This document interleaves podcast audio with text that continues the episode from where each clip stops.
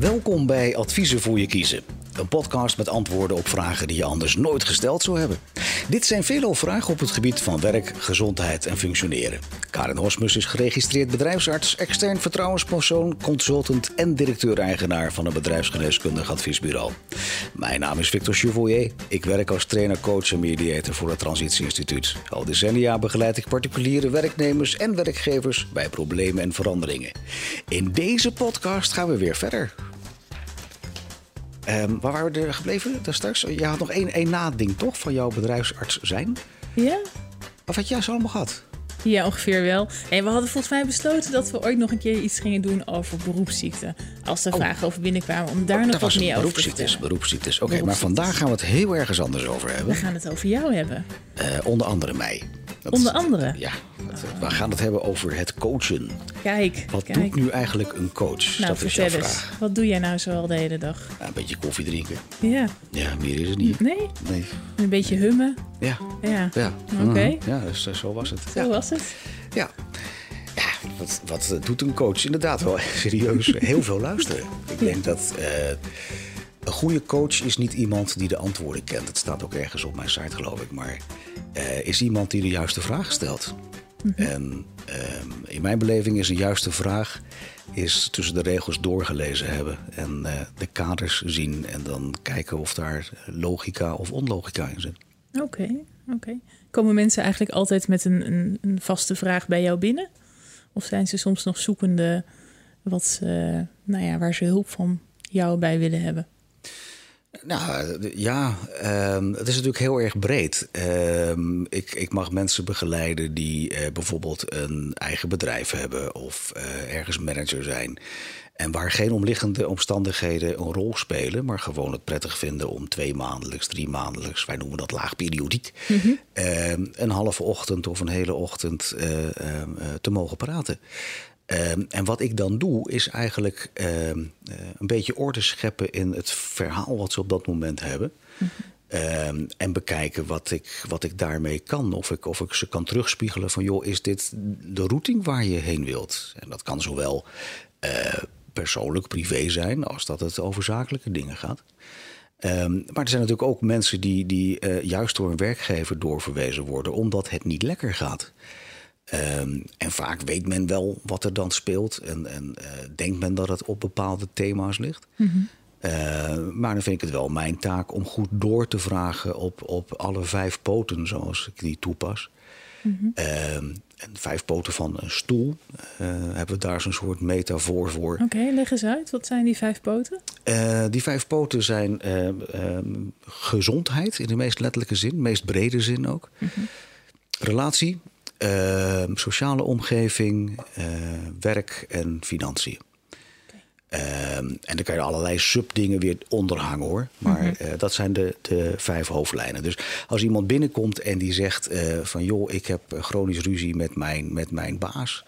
Ehm, dan wil ik wel even weten wat er nog meer voor omliggende dingen zijn. Want het kan best zijn dat dat net iemand is die bij hem in zijn allergie zit, zeg maar. Maar dat Ja. er hele andere thema's onder zitten die ervoor zorgen dat hij die vorm van communicatie met zijn direct leidinggevende aangaat. Die ervoor zorgt dat dit tot gevolg heeft. Kun je ze een voorbeeld geven? Ehm, nou, ik heb een keer iemand gehad die eh, ehm, eh, werkte binnen een bedrijf waar nogal een strenge hiërarchie eh, zat. Eh, waar hij lange tijd mee overweg kon, maar op het moment dat hij een andere leidinggevende kreeg, die eigenlijk dezelfde dingen deed, liep dat niet zo lekker meer. Nee. Ehm, en dan, dan kan je natuurlijk zeggen, ja, dat lag aan die strenge hiërarchie die in dat bedrijf zat. Maar dat was niet het meest simpele, omdat die in eerste instantie wel normaal gefunctioneerd had daar. En bij het doorvragen en doorvragen eh, ja, bleek dat die nieuwe leidinggevende eh, erg leek op, op eh, iemand in zijn familie. Een, een wat oudere broer die nogal dominant was, zeg maar. Ehm, en dat bij hem, ja, even plat gezegd, dat, dat ging jeuken. Hij, had het, hij vond het vreselijk. Ehm, dus als je dan daarin andere methodieken hem kon aanleren, en dat ging uiteindelijk prima, eh, dan kan je iemand daar wel uithelpen. Dan kan je iemand wel zorgen dat hij, dat, hij, eh, dat hij eigenlijk weer op zijn eigen pad komt. Oké, en betrek je dan zo'n werkgever of leidinggevende daar ook bij? Ja, juist. Uh, daar ontkom je naar mijn beleving ook niet aan. In de zin dat je um, um, natuurlijk met, met een persoon zelf aan de gang gaat om te mhm. kijken wat je daar bijvoorbeeld op het gebied van weerbaarheid kunt doen. Of dat je uh, communicatiestijlen aanleert die tot betere resultaten zou kunnen leiden.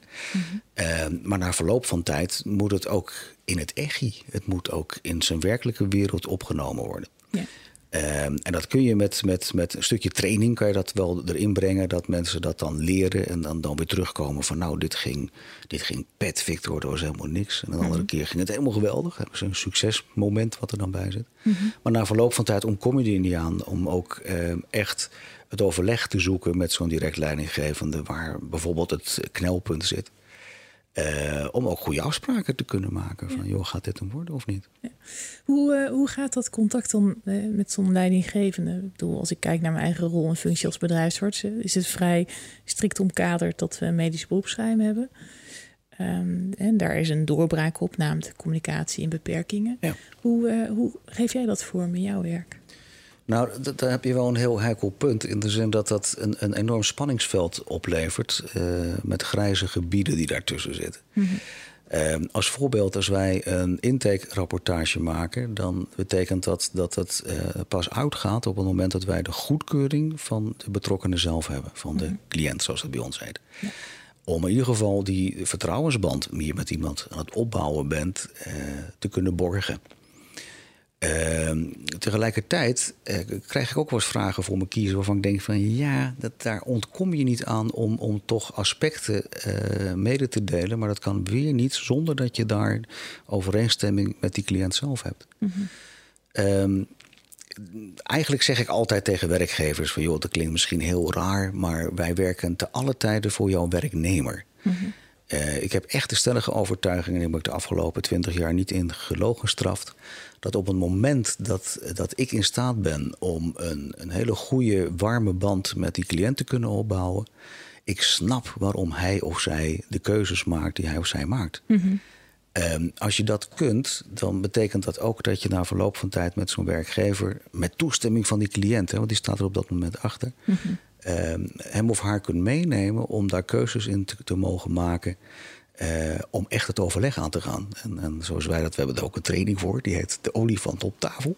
Oké. Okay. Uh, dat echt die olifant op tafel komt, waar je, waar je het echt gaat hebben over wat er echt speelt. Oké, okay. dat moet dan soms denk ik wel een hele sterke tafel zijn. Ja, ja, het hangt van die olifant af en Maar ja, ja dat klopt. Dat moet inderdaad wel een hele sterke tafel zijn. Ja, en, en, en ook andersom bekeken. Soms kan het voor de een als olifant voelen. Maar is het in de daadwerkelijkheid misschien maar een mug? Precies, beleving speelt daar een enorm grote rol in. Ja, absoluut, absoluut. Heb je ook veel met weerstanden te maken?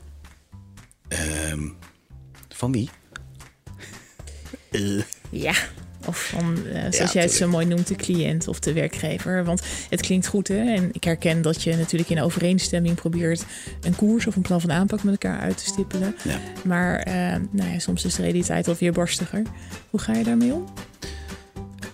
Um, ja, weerstand heb je altijd. Die heb je ook in uh, elke vorm. Hè? In, in, de, in de zin dat mensen uh, aan, aan, in elke vezel voelen dat zij aan verandering toe moeten. Ja. Uh, maar gewoon zover nog niet zijn. Nee. En, en dan is het mijn taak, vind ik, om uh, populair gezegd net zo lang te kietelen totdat ze het wel voelen. Ja. En dat geldt niet alleen voor de cliënt zelf, dat geldt voor zijn of haar direct leidinggevende ook. Ja. Waarin je dan uh, ja, ook het, het goed moet inbedden. En, en dan is het soms een heel spanningsveld omdat je de tijd niet krijgt of omdat je de gelegenheid niet krijgt. Want ook met zo'n werkgever moet je ja, wezenlijk contact aangaan, zeg maar. Ja, dat. En ik denk soms ook heel, heel terugkoppelen dat niet iets doen, dat dat ook een keuze is. Uh, mits dat uh, duidelijk is wat voor consequenties aan, aan het uh, niet kiezen vastzit. Ja, ja. ja zeker. Ja. Nou, leuk. Ik ben weer wat, wat wijzer geworden over de dingen die je doet. Want ik zie het natuurlijk van de zijlijn. Of ik zie wel zo'n rapportage voorbij komen. Maar ook leuk om wat meer inhoudelijk te horen hoe je dat vormgeeft. Dankjewel, Dankjewel. ervoor. Ja. Graag gedaan. Um, ga jij nu het eindding doen? Want je hebt al het hele uh, interview gedaan. Dus doe maar. Goed. Ja, daar komt hij hoor. Daar komt hij dan. Mijn eerste keer, dames en heren. Dit was een aflevering van Adviezen voor je kiezen, onderdeel van de Praatkast. Een podcast met antwoorden op vragen die je anders nooit gesteld zou hebben. Veelal vragen op het gebied van werk, gezondheid en functioneren. Als jij vragen hebt voor adviezen voor je kiezen, stuur dan een mail met je vraag naar info.praatkast.nl. En dat kan trouwens ook via WhatsApp of gewoon via de site. Deze podcast wordt je aangeboden door Hosme Synergie en het Transitie Instituut. En uiteraard met dank aan Hans Zeilmaker van Studio 0317 voor de nabewerking. Dankjewel voor het luisteren naar adviezen voor je kiezen en graag tot de volgende aflevering.